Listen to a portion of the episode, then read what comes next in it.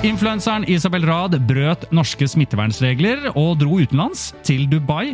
Det fikk hun masse kritikk for, men nekter å uttale seg til norsk presse. I stedet så snakker hun ut på sin egen Insta-konto. Hva gjør pressen når den viktigste kilden som kritiseres, ikke vil snakke? Det lurer jeg på denne uken.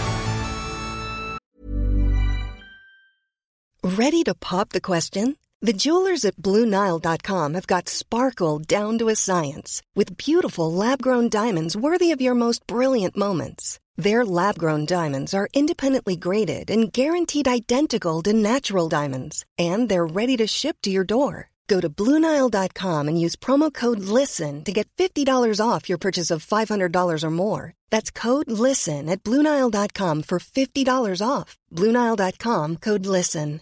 Hiring for your small business? If you're not looking for professionals on LinkedIn, you're looking in the wrong place. That's like looking for your car keys in a fish tank. LinkedIn helps you hire professionals you can't find anywhere else, even those who aren't actively searching for a new job but might be open to the perfect role. In a given month, over 70% of LinkedIn users don't even visit other leading job sites. So start looking in the right place. With LinkedIn, you can hire professionals like a professional. Post your free job on linkedin.com slash people today. Tut og mediekjør er en podkastserie som graver seg bak nyhetsoverskriftene du leser hver eneste dag. Hva slags etiske regler følges? Eller ikke følges, Eva Sandum? Nettopp. Hvordan jobber journalistene? Eller hvordan jobber de ikke, Svein Tore Bergestuen? Ja, Jobber de i det hele tatt? Ikke sant? Eller driver de bare med dank, hele gjengen? Det er jo det vi ønsker å vise deg som hører på, så du kan skjønne litt mer hvordan nyhetene blir til. Jeg heter Christian Lydmar Sander, eh, og vi sender jo nå Tut og Mediekjør på fredager. Det er den nye publiseringsdagen vår. Yep. Og vi starter med en runde rundt bordet, kan vi ikke det? Ja, altså runde rundt bordet. Jeg kan Ja. starte. Altså, da er det jo sikkert mange som tenker at det har skjedd så mye, og det viktigste er Biden det, eh, og innsettelsen av presidenten. Det, det kommer vi sikkert tilbake til. Men det jeg har tenkt litt på uh, i et slags selverkjennelseslys, da, det er at jeg begynner å bli uh, lei såkalte eksperter i mediene. Eller kanskje mer presist, jeg begynner å bli lei hvordan mediene bruker eksperter. Ok.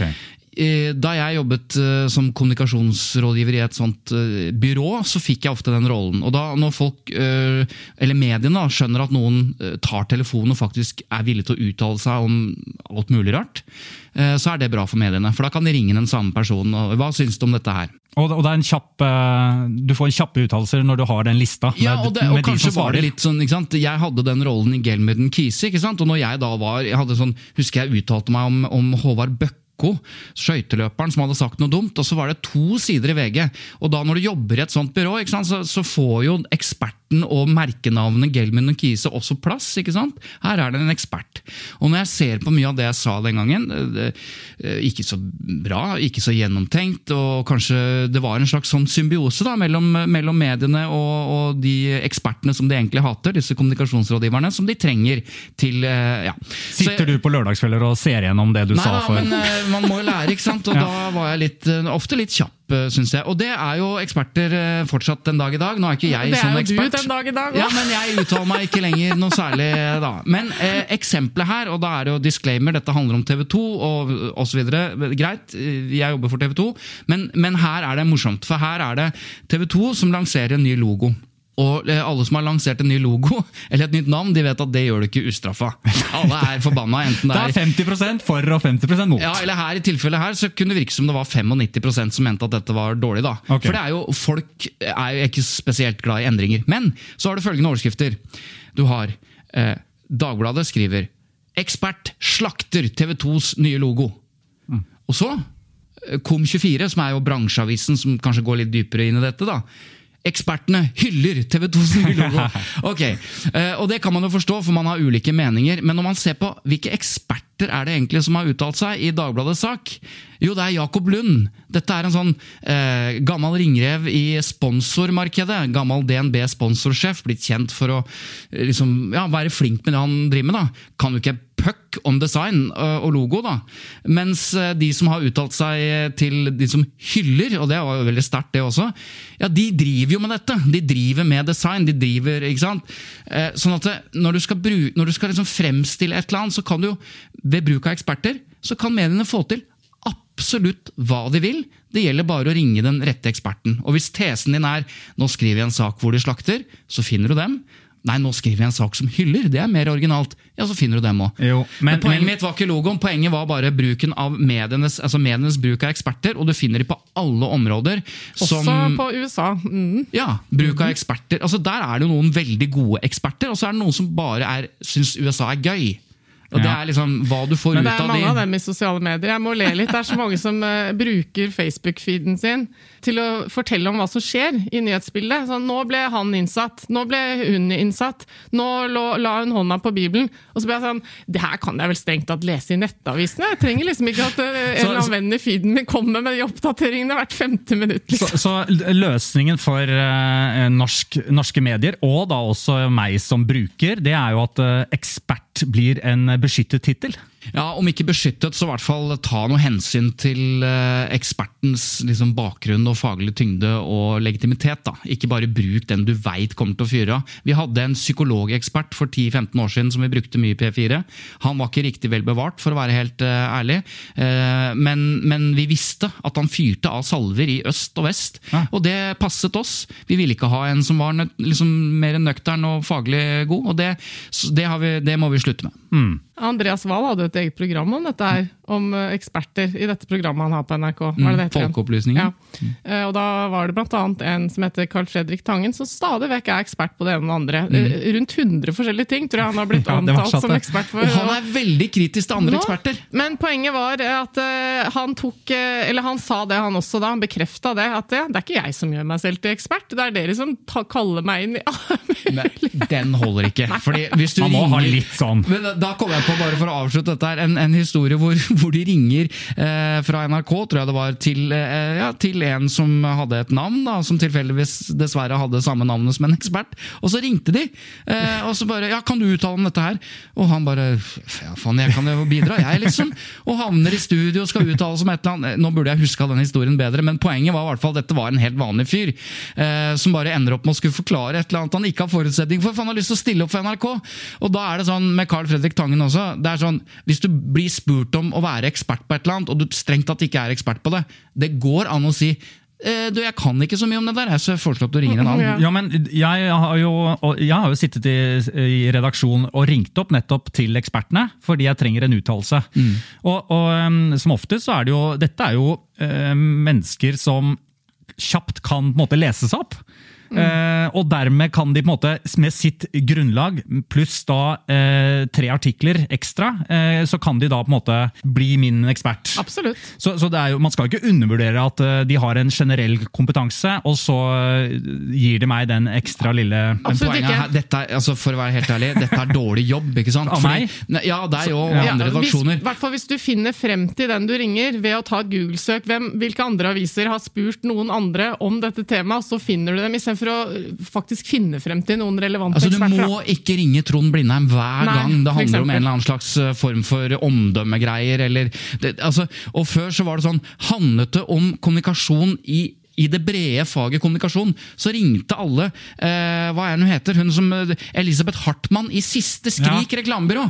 Hun, for hun svarte alltid! Og hun svarte spisst og spissformulert. Så da vi ga litt faen i hva hun kunne.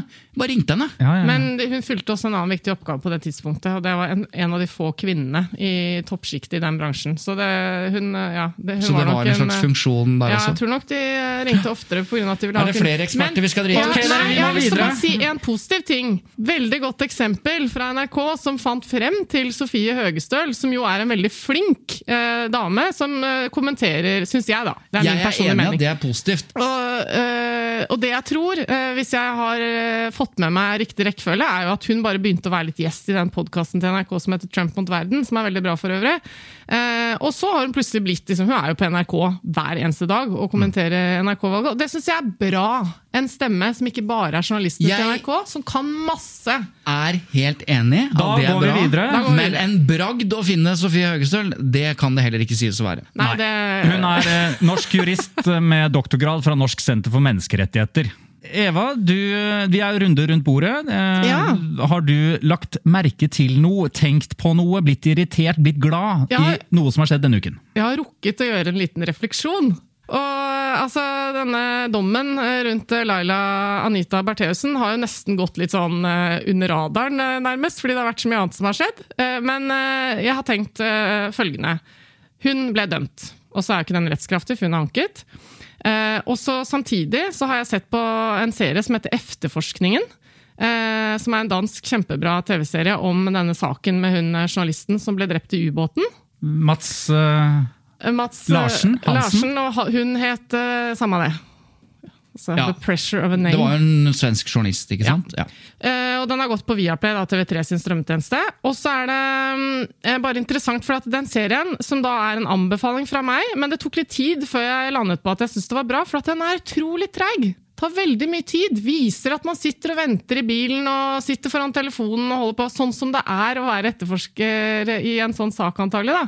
Men det som er poenget mitt, er bare at hele den serien illustrerer et viktig poeng, og det er at det, det handler ikke egentlig alltid om hvem som er skyldig eller ikke skyldig i en rettssak. Det handler om hva som kan bevises.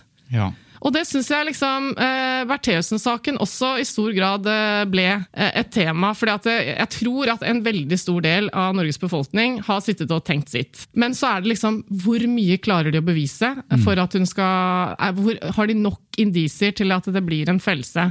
Skjønner dere Ja, jeg skjønner. hva som jeg, har jeg, hvis jeg kan få lov til å Jeg har en litt annen inngang på det. Altså, jeg, det er riktig at, eh, at det handler om hva som kan bevises, men da blir jo skyldig eller ikke skyldig et Også produkt, viktig. også viktig et produkt av det. Men eh, som en av dommerne eh, har sagt, eh, hva som er sant eller ikke, altså selve sannheten, er ikke tema i norske rettssaker. Og det er enda, liksom enda tydeligere.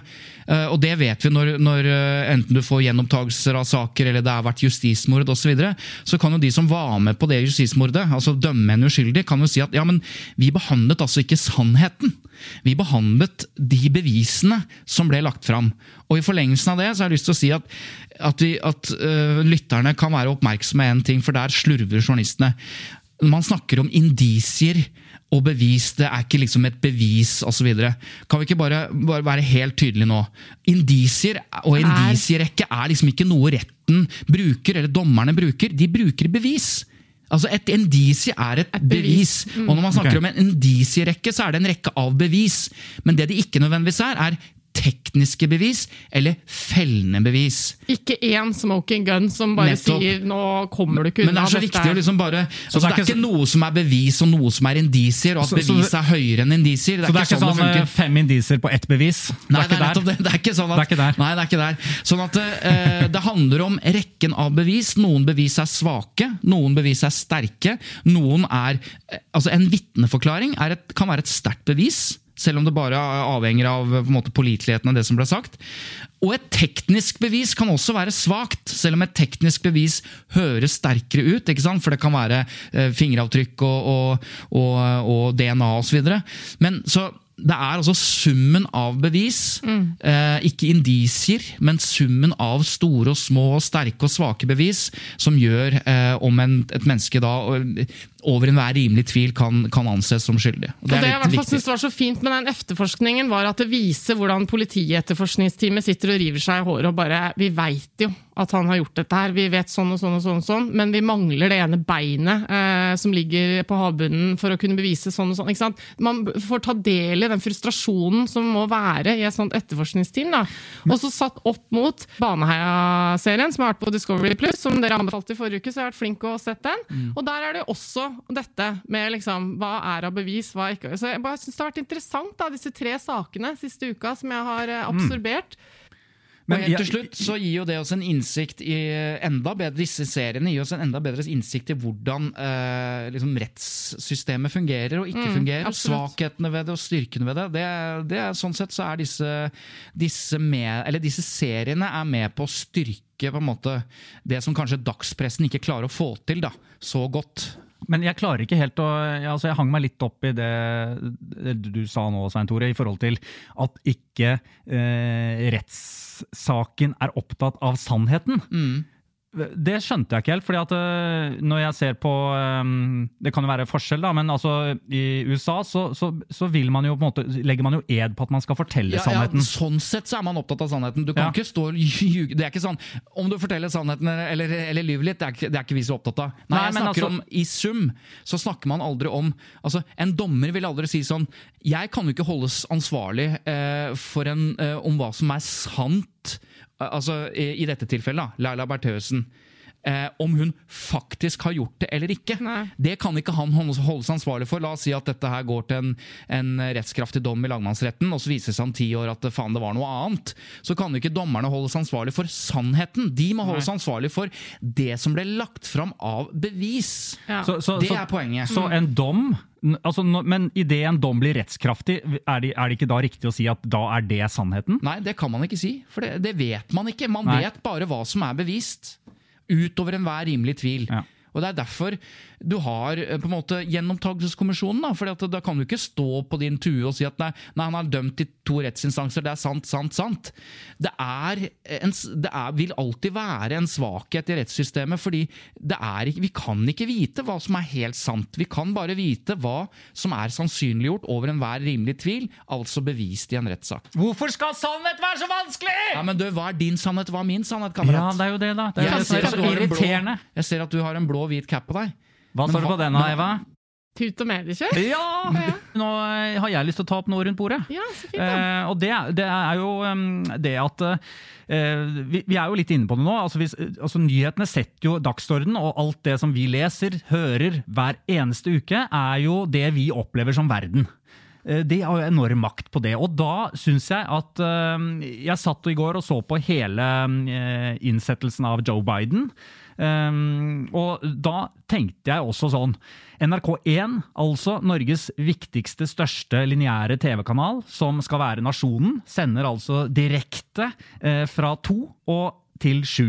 Jeg står jo ikke på alt, så det kan være det er glipp her. Men er ikke det ganske problematisk for demokratiet vårt at eh, vår største kanal dekker kun én ting en hel dag eh, på den måten? Det er minutt for minutt på eh, USA-valget. Altså, Bør man gjøre noen avtaler eh, seg imellom her, på at, eh, på at noen, bør ta den, noen bør ta den saken? Og Altså, seg imellom, mener du da mellom, mellom, mediene? mellom mediene, ja. Altså TV 2 og NRK kunne sagt nå tar dere fra to til fire, og så tar vi fra fire til sju. Ja, det her er en fin drømmeverden. Nei, jeg er bare løsningsorientert, ikke sant? Nei, men ta det først, da. Er det et problem?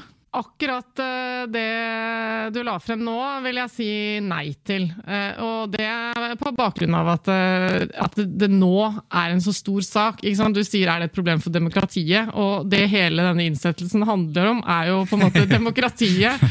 Og hvordan det nå håper å si, reddes eller ryddes opp i. Altså, det er så, for jeg tror, Vi har jo ikke sittet tidligere, eh, for fire år siden, for åtte år siden, og fulgt innsettelsen eh, for minutt for minutt, sånn som vi gjorde i går. Nei, i hvert fall ikke så omfattende og Eh, så liksom vært- tett vegg til vegg. Nei, for jeg tror det har vært så veldig mange elementer ved dette valget som har gjort at det har blitt så stor nyhet. da. Så Mm. Derfor så, så reagerte ikke jeg på det, men jeg ser poenget ditt. Ja, for å Absolutt, være litt men- velvi- Takk, Eva! Vi er på talefot i dag! nå, nå, jeg, nå skal jeg være velvillig. Jeg, er- jeg er enig med Eva. Eh, Og ikke meg. Jo, men eh, altså Kimen til liksom problemstillingen her altså et eller annet som, Dette er ikke noe problem. Men, men det at man overdimensjonerer fordi man tenker at det ja, NRK tenker ikke at det selger, men, men at, at det er, alle er opptatt av det. At man kan gå seg vill der, i minutt for minutt-dekning osv. At man overdimensjonerer eh, enkelte saker. Det gjør jo mediene hele tiden. Og det er en utfordring at vi får et rett og slett et galt bilde av hva som foregår i verden, eller i hvert fall hva vi bør vite om hva som foregår i verden. Det er et gjennomgående utfordring for mediene, fordi de står i det dilemmaet mellom å liksom blåse opp ting for å få, oppmerksomhet rundt eh, saker, og det å kunne presentere verden eh, som den egentlig bør presenteres. da, Mer balansert. Så jeg er enig i at det, at det kan være et problem, at vi ser det problemet ofte. eh, At man forelsker seg Jeg mener jo f.eks. at Nå har vi fått det litt på avstand dekningen, Selv om vi sa at det var en etisk forsvarlig dekning av Gjerdrum-katastrofen, så mener jeg nok nå, litt sånn i bakspeilet, at det var too much. Det var for mye, for minutt for minutt. Ja. Det var nyhetsvarsler om ditten og datten og hele tiden. Og det var ikke en katastrofe, og nå skal man liksom være forsiktig, for det var eh, grusomt, og det var tragedier for de som ble rammet av det. Men det, det var altså ikke 60 stykker som ble drept eller omkom. Det var eh, et stort eh, leirras, og ti mennesker eh, mistet livet. Men sett liksom eh, Hvis man ser det litt utenfra, det var intenst, altså. Den er, den er vond å høre på, merker jeg, når du sier det sånn. Nei, men, men, For det er jo litt komplisert å sette sånne ulykker Jo, men jeg pleier Ja, å gjøre men det. i retrospekt Dette så må det være lov å snakke Jeg skal om det. rettferdiggjøre det. Fordi at med en gang eh, fem mennesker dør på en gang When you're ready to pop the question, the last thing you want to do is second guess the ring. At Bluenile.com, you can design a one of a kind ring with the ease and convenience of shopping online. Choose your diamond and setting. When you find the one, you'll get it delivered right to your door. Go to Bluenile.com and use promo code LISTEN to get $50 off your purchase of $500 or more. That's code LISTEN at Bluenile.com for $50 off your purchase. Bluenile.com code LISTEN. Millions of people have lost weight with personalized plans from Noom, like Evan, who can't stand salads and still lost 50 pounds. Salads, generally, for most people, are the easy button, right? For me, that wasn't an option. I never really was a salad guy. That's just not who I am. But Noom worked for me. Get your personalized plan today at Noom.com. Real Noom user compensated to provide their story. In four weeks, the typical Noom user can expect to lose one to two pounds per week. Individual results may vary. Eller sju mennesker dør på en gang, så blir dekningen proporsjonalt, proporsjonalt overdimensjonert i forhold til Tenk på de som mister eh, sine nærmeste i en trafikkulykke. da. Én blir drept, to blir drept. Det får en notis. Og så skjer det samme dagen etter, hvor en annen familie mister sine. Så er det noen som brenner inne. Og det er ingen oppmerksomhet rundt det. De sitter alene med sin sorg og en melding på nyhetene. Og så er det fem eller sju som dør samtidig. Og da er hele Norge opptatt av det. Så det er et eller annet med Jeg mener det, jeg har tenkt på det mange ganger. At, at uh, liksom, hva, hva er verdt altså, Hvordan behandler offentligheten min sorg? Uh, og det er veldig forskjellig ut fra hva mediene mener eh, kvalifiserer til et stort oppslag. Da. Jeg forstår jo dynamikken i det, jeg forstår hvorfor det skjer.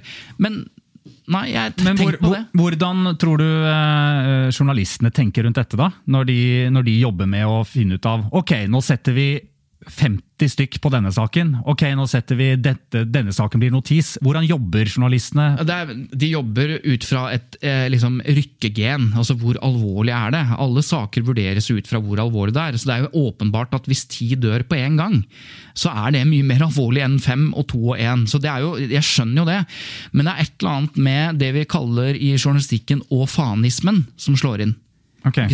Når det er spektakulært nok. Og det handler om måten det skjer på. Ikke sant? Hva som faktisk har skjedd. Hvis det er sånn Å, faen, er det sant, liksom? Er det, at, at du blir forskrekket. altså Det er ikke dødsfallene eller nødvendigvis omfanget i seg selv, men det er måten det skjer på. Da, da dekkes det, og da oppstår en, både en eh, offentlig eh, interesse rundt det som er større, og en offentlig nysgjerrighet som er større.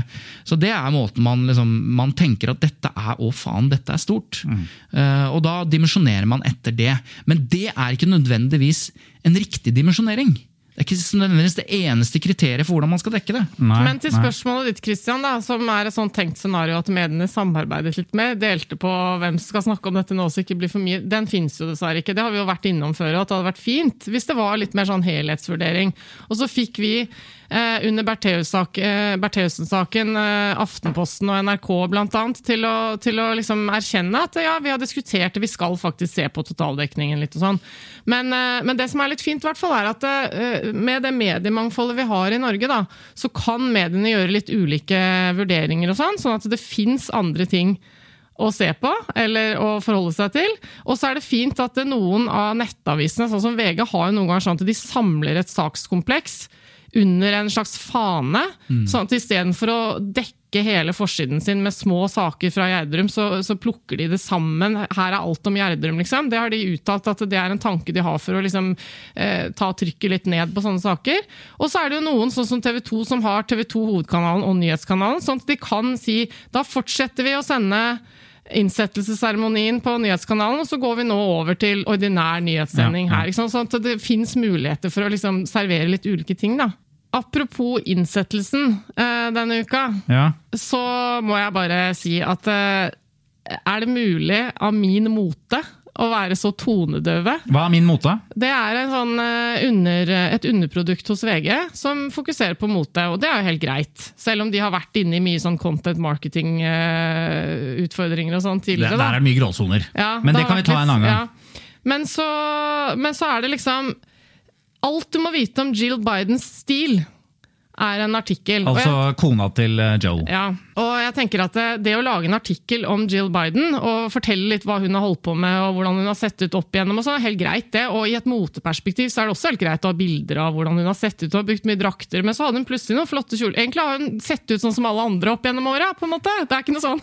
Men, men Men det er liksom ikke noe sånn Det nevnes ikke at hun har doktorgrad i pedagogikk, det nevner ikke at øh, hun er professor i engelsk, at hun har vært lærer for barn på psykiatrisk sykehus. De nevner på en måte ikke hennes achievements. Da. Det er en artikkel som, øh, som bare fokuserer på førstedamens motestil. Men er ikke det min mote? Ja, og så er poenget mitt at det er for så vidt greit, selv om jeg mener at i disse tider, når vi har vår første kvinnelige visepresident eh, i USA, og masse ting rundt denne seremonien som fokuserer på alt det som har skjedd i utviklingen for kvinner, osv., og, så videre, og da lage en artikkel som setter førstedama liksom rett inn i det. Det det handler om for deg, er hva du har på deg.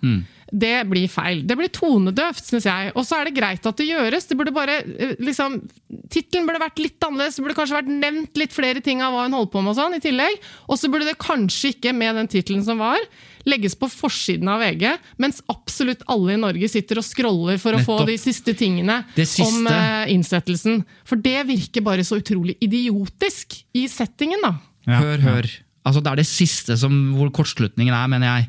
Ikke sant? Altså, min mote som underside. De må holde på med hva pokker de vil, for Ja, min ja. del. Men når det blir eh, liksom, Når det kommer rett i syninga, den dagen vi innsetter, den dagen alt liksom, hvor, vi, hvor demokratiet på en måte, i sine healing process og, og kvinnelig, som du sier, alt det historiske som skjer, så er det hva hun har på seg. Når det kommer midt inni der, så tenker folk, og vi som leser, at var det nødvendig, da? Er det det vi skal lese om nå? Eh, og da vil VG da kan jeg si, Vi trenger ikke å ringe Gard Steire og VG for å, for, for å svare på den kritikken. Han vil si i VG er vi opptatt av å ha en miks av saker. på Lette og tunge, sånn og sånn. Ja. Og det er ikke noe etiske brudd her. Det er bare Ja, veldig har, eh, dustete, rett og slett, å jeg- putte den der. Jeg har tips, eller eller forslag til eh, ny, eh, eh, altså nytt magasin. Eh, Det er MMM, mote med mening. Da kan man få til begge deler. Ja, ja for det, det bra. understreker det er ikke noe gærent med mote. Og alle førstedamer blir sett på med lupe. Da kjøper antrekk jeg sånn. det domenenavnet nå. Jeg. Ja, Og så skal det sies at min mote har gjort uh, spede forsøk på å drive litt gravende journalistikk rundt motebransjen og hvordan klær blir til og alt mulig sånn. Altså. Så det er ja. ikke Det var eh, bare mot... helheten av dette og hvordan det Ja, ble hvordan- presentert, ja, som helt fremsto tonedøft. Ja, ja. Dust! Videre. Dust. Men uh, kjolene til førstedamen har jo Ja, alltid vært et stort stor eh, Ja, Greit, da går vi videre. Um, Forresten, flott den gule kåpa til Amanda Gorman, som leste opp det diktet. Ja, nei, men du, hallo, Nå går vi videre, for vi må til sak én. Og det er jo eh, Isabel Rad. Hun er en norsk influenser. Eh, hennes familie er også fra Dubai. Så nå har hun eh, fått mye kritikk, for hun har brutt de norske smittevernreglene. Eh, og eh, som det ser ut eh, Man vet jo aldri helt sikkert, men det ser ut som hun har tatt en det smittevernreglene sier, en unødvendig reise til utlandet. Ja. Og det har hun fått mye kritikk for. Norsk presse har prøvd å ringt henne for å få samtidig imøtegåelse, altså hennes reaksjon på det. Hun svarer ikke. Eh, har ikke eh, villet svare til norsk presse. I stedet så legger hun ut heller på vloggen sin, eh, hvor hun kommenterer det. Altså, hun, hun har full kontroll på egne uttalelser i, i sine egne kanaler. Så da er jo det store spørsmålet hva skal eh, journalistene gjøre når den de kritiserer, ikke uttaler seg? Før eh, Eva svarer på det, kan jeg eh, Før Eva svarer på det, Ja, så Kan jeg si Kan- hvem Isabel Kan Rad jeg svare er? på det? Ja, ja. For det, det hadde kanskje venta at det skulle være motsatt nå, men Eva aner ikke hvem Isabel Rad er. ja, for det er litt greit at det kommer frem. Og du visste jo ikke Du vet ikke det? Nei, hun har sikkert vært litt her og der, men jeg har ikke liksom merket meg sånn veldig. Nei. Så her kommer eh, influensereksperten og sier Nei, altså bare så folk Dette er jo radio eller podkast, så det er greit at dette er altså en, en pen, ung kvinne eh, med mørkt hår som har vært mye i mediene, annet fordi at hun eh, har angret og sett tilbake på sin eh, historie som blogger. Eh, og hun brukte mye tid på sånne, å vise fram plastiske operasjoner, og? Og, og, og fikk mye kritikk for det, og har i, liksom, i bakspeilet sagt at det der skulle jeg ikke gjort. Så hun har tatt en slags sånn helomvending, har vært på debatten hos Fredrik Solvang og sagt at liksom, ja, jeg har vært et forbilde, jeg skjønner det, og har vært et veldig dårlig forbilde. Så hun er av de bloggerne som på en måte har tatt et slags oppgjør med det der eh, bjelle. skjønnhetshis liksom, greiene. Da. Så det er den rammen vi kan eh, liksom, tenke litt på det. Ja. Men fortsetter selvfølgelig å lage en sånn blogg med utseende og Mm. pupper og lår og alt det som hører med. Tusen takk for rammer, Svein Tore. Vær så god. Eh, Eva, det, da, da, altså, da til, Tilbake til spørsmålet mitt. Ja. Altså, Når da en som ikke vil uttale seg, hva skal journalistene da gjøre når det er denne personen de kritiserer? Ja, altså Det første er jo liksom å stille seg spørsmålet er det riktig å kritisere hva influensere driver med. og det åpenbare spørsmålet på det er jo, nei, Svaret på det er jo ja. ikke Ja. sant? Influensere har enorm eh, Det- påvirkningskraft og indirekte makt egentlig i samfunnet. De, de har jo utrolig mange følgere og lesere. Flere enn avisene som kritiserer dem, ofte. Så at det blir satt kritisk søkelys på dem, skulle jo bare mangle. Og så er det jo sånn Ja. at Eh, Så nevner du samtidig imøtegåelse. Så hvis det rettes kritikk mot hva de driver med, sånn, så er det naturlig at en journalist tenker at eh, hun må få svare for seg. Så når de tar kontakt, så er det jo først og fremst for å gi den anledningen. Det står jo i Vær varsom-plakaten at eh, hun bør få anledning enten i den artikkelen jeg har tenkt å skrive, eller eh, eventuelt eh, etterpå i et svar eh, som hun gir i neste artikkel, eller skriver selv. Og bare sånn helt kjapt, Vær varsom-plakaten er Eh, Pressens e egne etiske regelverk. Mm. Ja. Som de har nedfelt selv, eh, for å holde seg selv i skinnet. Ja. Og så er det flere dimensjoner med det her. Prøve å få svar, får ikke det. Hvor hardt prøver du? Mm. Ikke sant? For det, det er jo, Der kan journalisten gjøre en feil ved at de ikke prøver hardt nok. Hva er hardt, og hva er Nei, ikke? altså Hvis de sender en SMS eller en melding, da, og så går det to timer og ikke noe svar, og så publiserer du, Hvor, da, da har du kanskje ikke gjort, lagt deg nok i selene for å få svar. Så det er viktig. Men så må du ikke gjøre sånn som noen andre gjør, at du bare gir deg ikke på tørre møkka, og du, du i den prosessen, i den si, kildekontakten du har, da, så bare pøser du på, og du sender meldinger, og du ringer, og du dukker opp på døra, og du liksom er helt bajas, du bare skal ha et svar. Da kan du tippe den andre veien. Så det er liksom det ene, hvordan du behandler du kilder. Men så er kanskje det viktigste, og det er at, eh, og her er et litt sånt, eh, jeg vet ikke om begrepet er riktig, men mediene kan ikke la seg kneble, eller de kan ikke la være å skrive en sak fordi de ikke får svar. Nei. Ikke sant? Har de Og det er et prøvd? viktig punkt. Har de prøvd eh, ordentlig og gjort det på en skikkelig måte, så må de også kunne bare publisere uten at de har noen svar. fordi de kan ikke da la være. Grunnen til det er jo at ikke du skal, ved å unnlate å svare på journalistenes spørsmål, eh, skal kunne forhindre at det skrives om deg. Det står i det samme punktet det er faktisk i Vær varsom-plakaten, hvor det står at de som utsettes for sterke beskyldninger, skal så vidt mulig ha adgang til samtidig imøtegåelse av faktiske opplysninger osv. Mm. Men i samme tekst så står det Debatt, kritikk og nyhetsformidling må ikke hindres ved at parter ikke er villige til å uttale seg eller medvirke til debatten. Nettopp. Og her er det litt sånn forskjell, fordi i, i avisene eller skrivende presse så er det lett lett å håndtere dette. Fordi da er det sånn, Vi har prøvd å få kommentar, og da ser du, det ingen, hun vil ikke kommentere det osv. Men skal du arrangere en debatt, så er det ikke så enkelt å bare invitere den ene og si ja, det her er du, den andre vil ikke stille. Så da står vi her, da. Det blir ikke så gøy. på en måte. Da da er du litt mer avhengig av det. Konsekvensen av det, og det vet jo jeg som har ledet mange debatter, er at det, da blir det jo faktisk sånn at ved å ikke stille, så unndrar de seg kritisk eh, søkelys.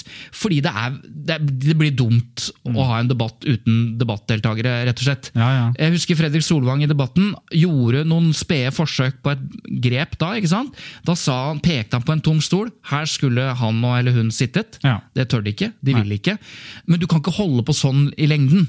Men når du skriver, så kan du det. Da kan du tydeliggjøre og synliggjøre hele tiden at her er det noen som ikke vil kommentere. Men hvis Men da, da skriver, da skriver man det i saken. Eh, vi har vært i kontakt. Ja. Uh, de vil ikke kommentere. Ja, det er varianter av det, da. Men det er veldig vanlig det at hvis det er en åpenbar uh, sak hvor uh, den som blir, uh, får kritikk, burde fått svare for seg, så skriver de alltid at de har prøvd, men ikke fått svar. Nettopp for å ivareta leserens behov. For å liksom, ja, men hvor er den andre stemmen her? Og der er men, formuleringene viktig. Ikke sant? Fordi at Hvis du som journalist får et inntrykk av at her er noen som prøver å unndra seg Altså Du vet at de har lest meldingen, du vet, du har fått bekreftet kanskje at de til og med har fått henvendelsen, men de bare er helt tyst. Ja. Da poengterer man det. Men klart, har du ikke fått tak i folk, og, og du vet ikke engang om de vet at du prøver, da må du formulere deg på en annen måte, og da må du faktisk også vurdere saken på en annen måte. Og så er det de som bare du får tak i dem og så sier 'dette har jeg ikke lyst til å kommentere'. Og da skriver du det. Du har vært i kontakt med de, ønsker ikke å kommentere. Og da kan, saken, da kan du pøse på med eh, all kritikk, på en måte. Nei, det er må, ja. det, du, det du kommer med av kritikk, skal jo den personen bli forelagt. Ikke sant? Du skal, for du kan ikke bare si sånn Hei, jeg har tenkt å skrive en kritisk eh, artikkel om deg. Har du lyst til å uttale det? Så får du sånn Nei, det har jeg ikke noe lyst til. Og så liksom Ok, da er arbeidsdagen i gang! så kommer det masse påstander. eh, For at du skal få anledning til å svare på den konkrete kritikken. Da. Så hvis det kommer nye elementer inn, så skal du liksom ta kontakt på nytt og sende ny mail eller ringe Ja. på nytt. og sånn. Og her er det, ikke sant, Vi har jo sagt at, uh, og vi sa jo for noen episoder siden at uh, etter PFU-statistikken, Pressens faglige utvalg, kommer statistikk. Hvem er felt i Pressens faglige utvalg oftest, og hva er de felt for? Da er det dette punktet eh, om samtidig imøtegåelse. Og det er også det Eva snakker om nå. Det handler ikke bare om at de ikke har tatt kontakt for å få eh, ivaretatt det. Men hvis de bare har tatt kontakt ved å si nettopp det der, at vi, har, noe- vi skriver noe kritisk om deg, har, noe, har du lyst til å stille opp til intervju, det er ikke ivaretakelse av samtidig imøtegåelse. Du må konkret si hva de kritiseres for. Ja. Så, så brudd på, på samtidig imøtegåelse handler ikke bare om at de ikke har giddet å tatt telefonen, men de har gjort det på en dårlig måte. Ja, Men det er litt derfor det ofte er eh, det punktet som eh, det er mye fellelser på i PFU. Fordi at man slurver litt med den henvendelsen der. ikke sant? Man tar kontakt. 'Hei, du vil har noen greier om din influenservirksomhet.' Ah, det orker jeg ikke å svare på. Mm. Da holder ikke det. ikke sant? Da må du, nei, for det de egentlig lurer på, er eh, hva mener du om at du reiste til Dubai og sa sånn og sånn? Men Ja, spørsmålet er, Kristian, Christian, du tok opp den saken her. Ja. Er det noen vits i at mediene måtte en kritiserer eller driver kritisk journalistikk på eh, influensere? De trenger jo ikke det, for det gjør jo Mats Hansen helt på egen hånd. Han er jo en eh, Ja. Han, ja, Men dette er litt interessant. Fordi, Mats Hansen er altså også en influenser og programleder. Absolutt. En av de mest fulgte influenserne i Norge. Med- Farmen. typ- Men jeg startet som fotballspiller, da. Ja. Ja da, han er fotballspiller for Mjøndalen. hvilken sak tenker du på nå? Senter, Nei, jeg eller? tenker på at uh, Det er Mats Hansen som er først ute og kritiserer Isabel, eh, Isabel Rad. Ikke sant? For han, Ikke bare uh, har han et blikk på dette selv, men alle følgerne, eller veldig mange av følgerne til Mats Hansen, uh, som har eh, typ nesten en halv million følgere, eh, de tipser jo Mats Hansen hele tiden når influensere gjør noe idiotisk. Så han har en redaksjon som er 100 ganger større enn alle andre avisredaksjoner, som hele tiden fòrer han da, med dette her. Og så setter han, sånn som jeg ser det, et betimelig eh, søkelys på eh, influensere som er fryktelig dårlige forbilder, eller gjør noe som er eh, veldig dumt. da. Så jeg synes jo, jeg, Men- jeg liker jo det, da. Men, Ja, for ja, det hun kritiseres for nå, har vi sagt det? At hun reiser til Dubai. Ja. ja, ja, ja. Ja, det var det jeg startet med. Nettopp. Ja, ja, det er bra. Bare så ikke folk er helt uh, det er forvirra her. Men, men altså uh, Men når da Mats Hansen legger ut noe på sin Insta-konto og kritiserer Isabel Rad Mm. um, Jeg kan ikke huske da at det står i den, uh, den meldingen sånn jeg har vært i kontakt med Isabel Rad. Uh, hun ville ikke, hun ville ikke Nei. Han er ikke kommentere det. Nei, han, han gjør jo dette så, Han er jo bare en, i, på sosiale medier. Det er, det er ikke de reglene der. Han okay. trenger jo ikke gjøre det, men er du tenker at da er det ikke så redelig, på en måte? Du, vet du hva? Da, da ser jeg at vi For vi har fått inn et lytterspørsmål om akkurat det her. Oi, uh, for det, det hørtes veldig planlagt ut. Ja, jeg vet det, men jeg kom på det nå. For vi, Ja. har liksom, vi pleier jo å legge opp en del spørsmål som vi har veldig lyst til å svare på. Mm. Det er litt det med hvem er det som faktisk må følge Vær varsom-plakaten og ikke. Ja. Ja, For det er Håvard her som uh, forteller til oss Kan hvem som helst bare starte en nettavis slenge på redaktøransvar-logoen, si at man følger redaktørplakaten og ergo så er vi seriøse? Må man godkjennes på et vis, betale eller bli medlem? Og eventuelt da blir man godt i sømmene i etterkant. Ja. Veldig bra spørsmål. ja, det er gøy, og det forklarer jo litt grann også hvorfor Mats Hansen ikke trenger å følge Vær varsom-plakaten. Mm. La oss ta bare det aller først. Hvorfor trenger han ikke det? Pressens faglige utvalg, som man kan klage til, som da er et utvalg som sitter med Vær varsom-plakaten som et slags lovverk, selv om det er etisk eh, lovverk, da. de kan kun vurdere klager på medier som er medlem av Norsk Presseforbund. Ok. Eh, og det er eh, et medlemskap som eh, redaktørstyrte medier eh, kan inngå.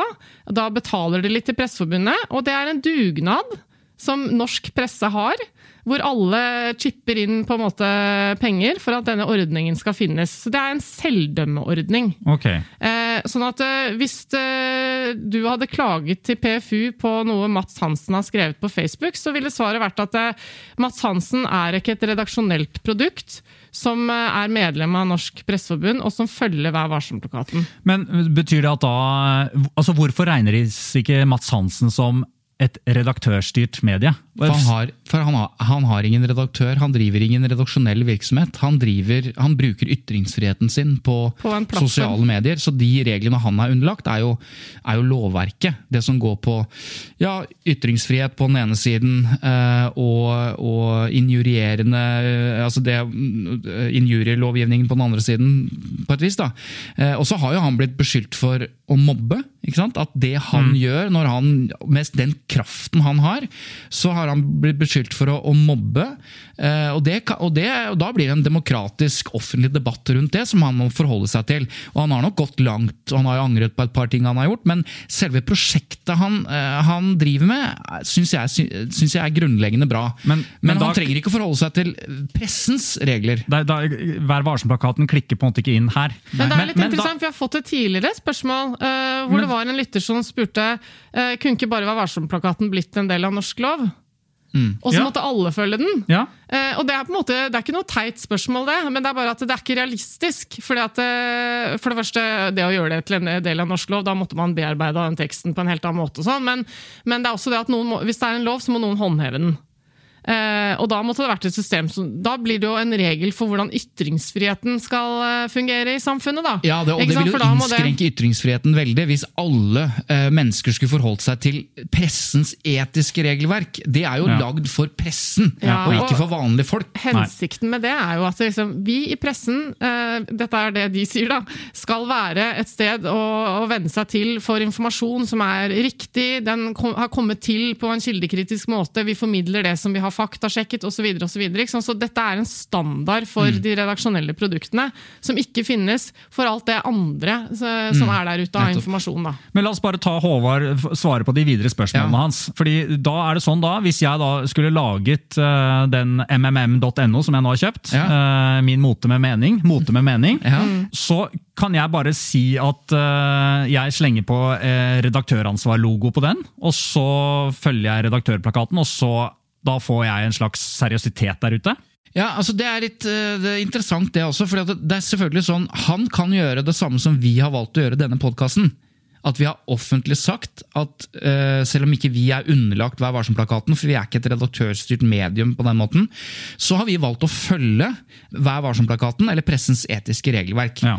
Og det er klart, Lager du en nettavis, så, kan du, så vil jeg si det er positivt hvis du sier, uh, altså før du har en redaktør til og med, men bare sier at eh, denne nettavisen blir til med utgangspunkt i uh, pressens Vær varsom-plakat og, og liksom prinsippene ved Redaktørinstituttet. da. Ja. Ikke sant? Men du kan, ikke, du kan ikke late som du er medlem av Redaktørforeningen hvis du ikke er det, f.eks. Men Altså, men hvis jeg du spurte om dette med logo altså, Ja, ja, ja, ja. Nei, Men- da, nei, kan du ikke bare ta en logo sånn, ja. Men Nei, kan da må jeg, du kan melde jeg, deg inn i Men- Norsk Presseforbund Og det- og og, det kan og vedkjenne deg hele Vær varsom-plakaten og redaktøransvaret og redaktørplakaten. Og så si at jeg skal operere som eh, et redaktørstyrt medium, eh, og jeg er ansvarlig redaktør. men det kan jeg gjøre som privatperson. Ja, altså, du, men du må Det er, noen kriterier, det er noen kriterier for å bli opptatt som redaktør. Du kan ikke bare si at 'jeg heter Christian Marstrander, jeg lager noen greier på nettet, jeg er redaktør, kan jeg bli medlem'? Ja. Den er nok litt svak. Okay. Nå husker jeg ikke alle kriteriene for det, Nei, men, men i eh, hvert fall, den debatten her har vært oppe i Norsk Presseforbund. eh, Nettopp det om vi skal eh, go- liksom akseptere blogger og, og liksom store publikasjoner som tradisjonelt sett ikke er presseprodukter, da, Mm. eh, inn i, inn i PFU-ordningen og, Ja. og, og Presseforbundet. Og, og hva har diskutert, eller hva kom dere frem til da? Nei, ikke, altså, Den har vært oppe, den diskusjonen. Jeg har ikke sittet eh, i den eh, nødvendigvis. Du men tok en telefon akkurat da? Så. Dette er ting som foregår i styret til Norsk Presseforbund. Ja, okay. Men, eh, men eh, det- problemet med det er at det, for det første, det må kunne håndheves. Da vil alle kunne klage på absolutt alt. Det fins ikke utvalg nok til å håndtere. Eh, Det er en praktisk utfordring. Og så er det at det, det vil jo bli veldig vanna ut hvis absolutt alle skal inn under ordningen. For dette er det som skal representere pressen. Ja da. Skjønner du forskjellen? Jeg, jeg skjønner det, men Ja. eh, jeg skjønner også samtidig at eh, det, det eh, Ideen om pressen og ideen om alle andre ytrings, ytrings, eh, ytringer der Ja, ute ja. begynner å viskes litt ut. Ja, det var tydeligere før. Absolutt. Så, så at men disse spørsmålene dukker dukker opp, er ganske naturlig. naturlig. ja, ja, ja, og det er ulike meninger om det. Noen i pressen vil nok mene at uh, kanskje vi bare burde gjort det. Åpne opp for disse store bloggene som har utrolig mye påvirkningskraft og sånn. Og i, og i grenselandet mellom blogger uh, og alternative medier uh, og redaktørstyrte medier, så har vi også diskusjonen rundt dette med Resett, som prøver å bli medlem, får ikke lov. Og Resett er Resett er denne eh, skal vi si, eh, høyre, eh, radikale nettstedet som mener selv de representerer sannheten på en annen måte enn norske medier. Eller, eller eh, mainstream media. Men det er også en sak nå under behandling i Redaktørforeningen fordi en som er medlem, er Hans Rustad, redaktør for dokument.no, som mange mener er litt på linje med, med Resett. Eh, fordi han bryter antageligvis, da er påstandene, eh, prinsippene og reglene knyttet til det å være Ja. medlem i en sånn forening. Han skrev jo annet hva hvis mengden har rett, knyttet til Trump og valget. Hvis valget ble stjålet. Ikke sant? Så han, eh, han hadde noen påstander som eh, noen mente ikke hørte hjemme hos en eh, redaktør i Redaktørstyrt. eh, medium. At han har bidratt til å rettferdiggjøre angrep på reportere f.eks. Så, videre. så han kan jo da eh, bli ekskludert eh, etter at denne saken er ferdigbehandlet. Men eh, tilbake til ditt spørsmål om du bare kan opprette denne MMM-bloggen din og bli medlem og være en del av pressen. på en måte. Ja, Eh, mote tror- med mening. Ja, jeg tror den største utfordringen vil være for deg. at Hvis du sier at du skal forholde deg til redaktørplakaten og Varsom-plakaten, så legger det en del bånd på deg. Fordi da er det masse krav der som sier at du kan ikke bare ta opp masse ting, omtale det uten å faktasjekke det, bare presentere den ene siden av saken. Hvis du kritiserer noe, så må de få svare. Det er masse ting du må gjøre som står som en instruks i Vær varsom-plakaten, som representerer et eh, redaksjonelt produkt. ikke sant? Så jeg tror det er mange ganske store blogger som har vurdert det å prøve å søke seg inn i, i denne ordningen, men funnet ut at eh, jeg, altså, det, jeg har ikke mulighet jeg, til å klare Nei. å gjøre den jobben. liksom, For at det er ganske mange krav. da. Da er det mye greiere, sånn som eh, vi har løst det. Vi bare sier ja, vi følger Vær varsom-plakaten. Da er vi i gang med tut og mediekjør! det er mye greiere. Det er så ja. det er, jo en, det, er jo en, det er jo et signal da, ikke sant, til våre lyttere at det er, det, det er vår ambisjon. Og så forventer vi å, å høre fra folk hvis de mener at vi ikke gjør det. da.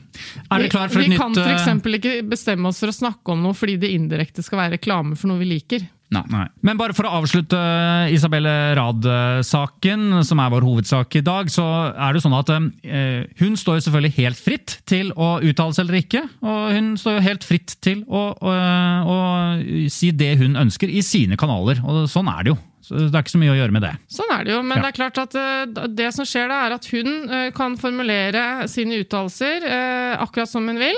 Og det er ikke mulighet da for eh, den kritiske pressen til å stille kritiske spørsmål. Så hun, hun legger på en måte ut en slags potensielt da, en slags pressemelding eh, om sitt syn på saken, som, eh, som mediene kan velge å plukke opp, sånn som de gjør hele tiden.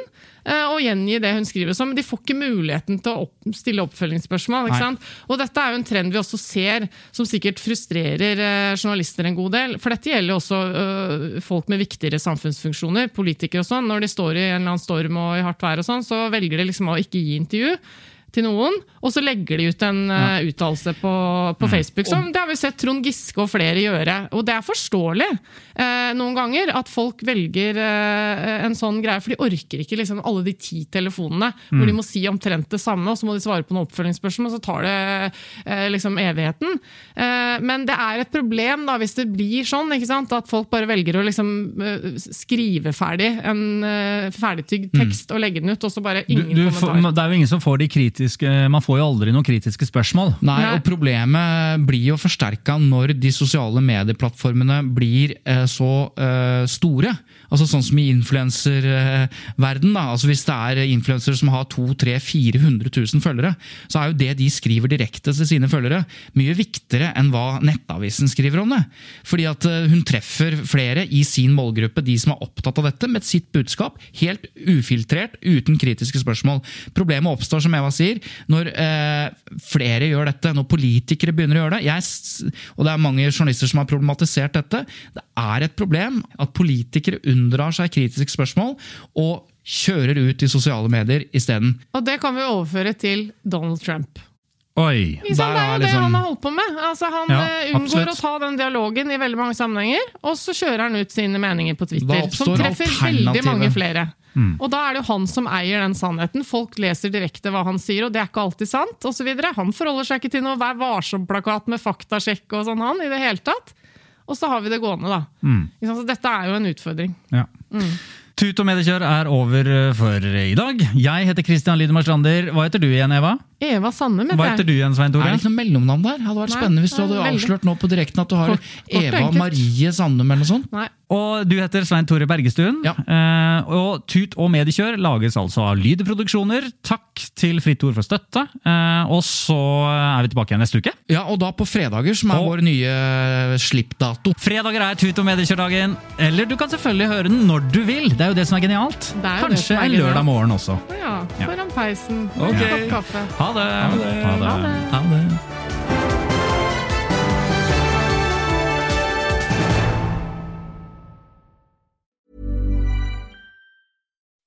When you make decisions for your company, you look for the no-brainers. If you have a lot of mailing to do, stamps.com is the ultimate no-brainer. Use the stamps.com mobile app to mail everything you need to keep your business running with up to 89% off USPS and UPS. Make the same no-brainer decision as over 1 million other businesses with stamps.com. Use code PROGRAM for a special offer. That's stamps.com, code PROGRAM.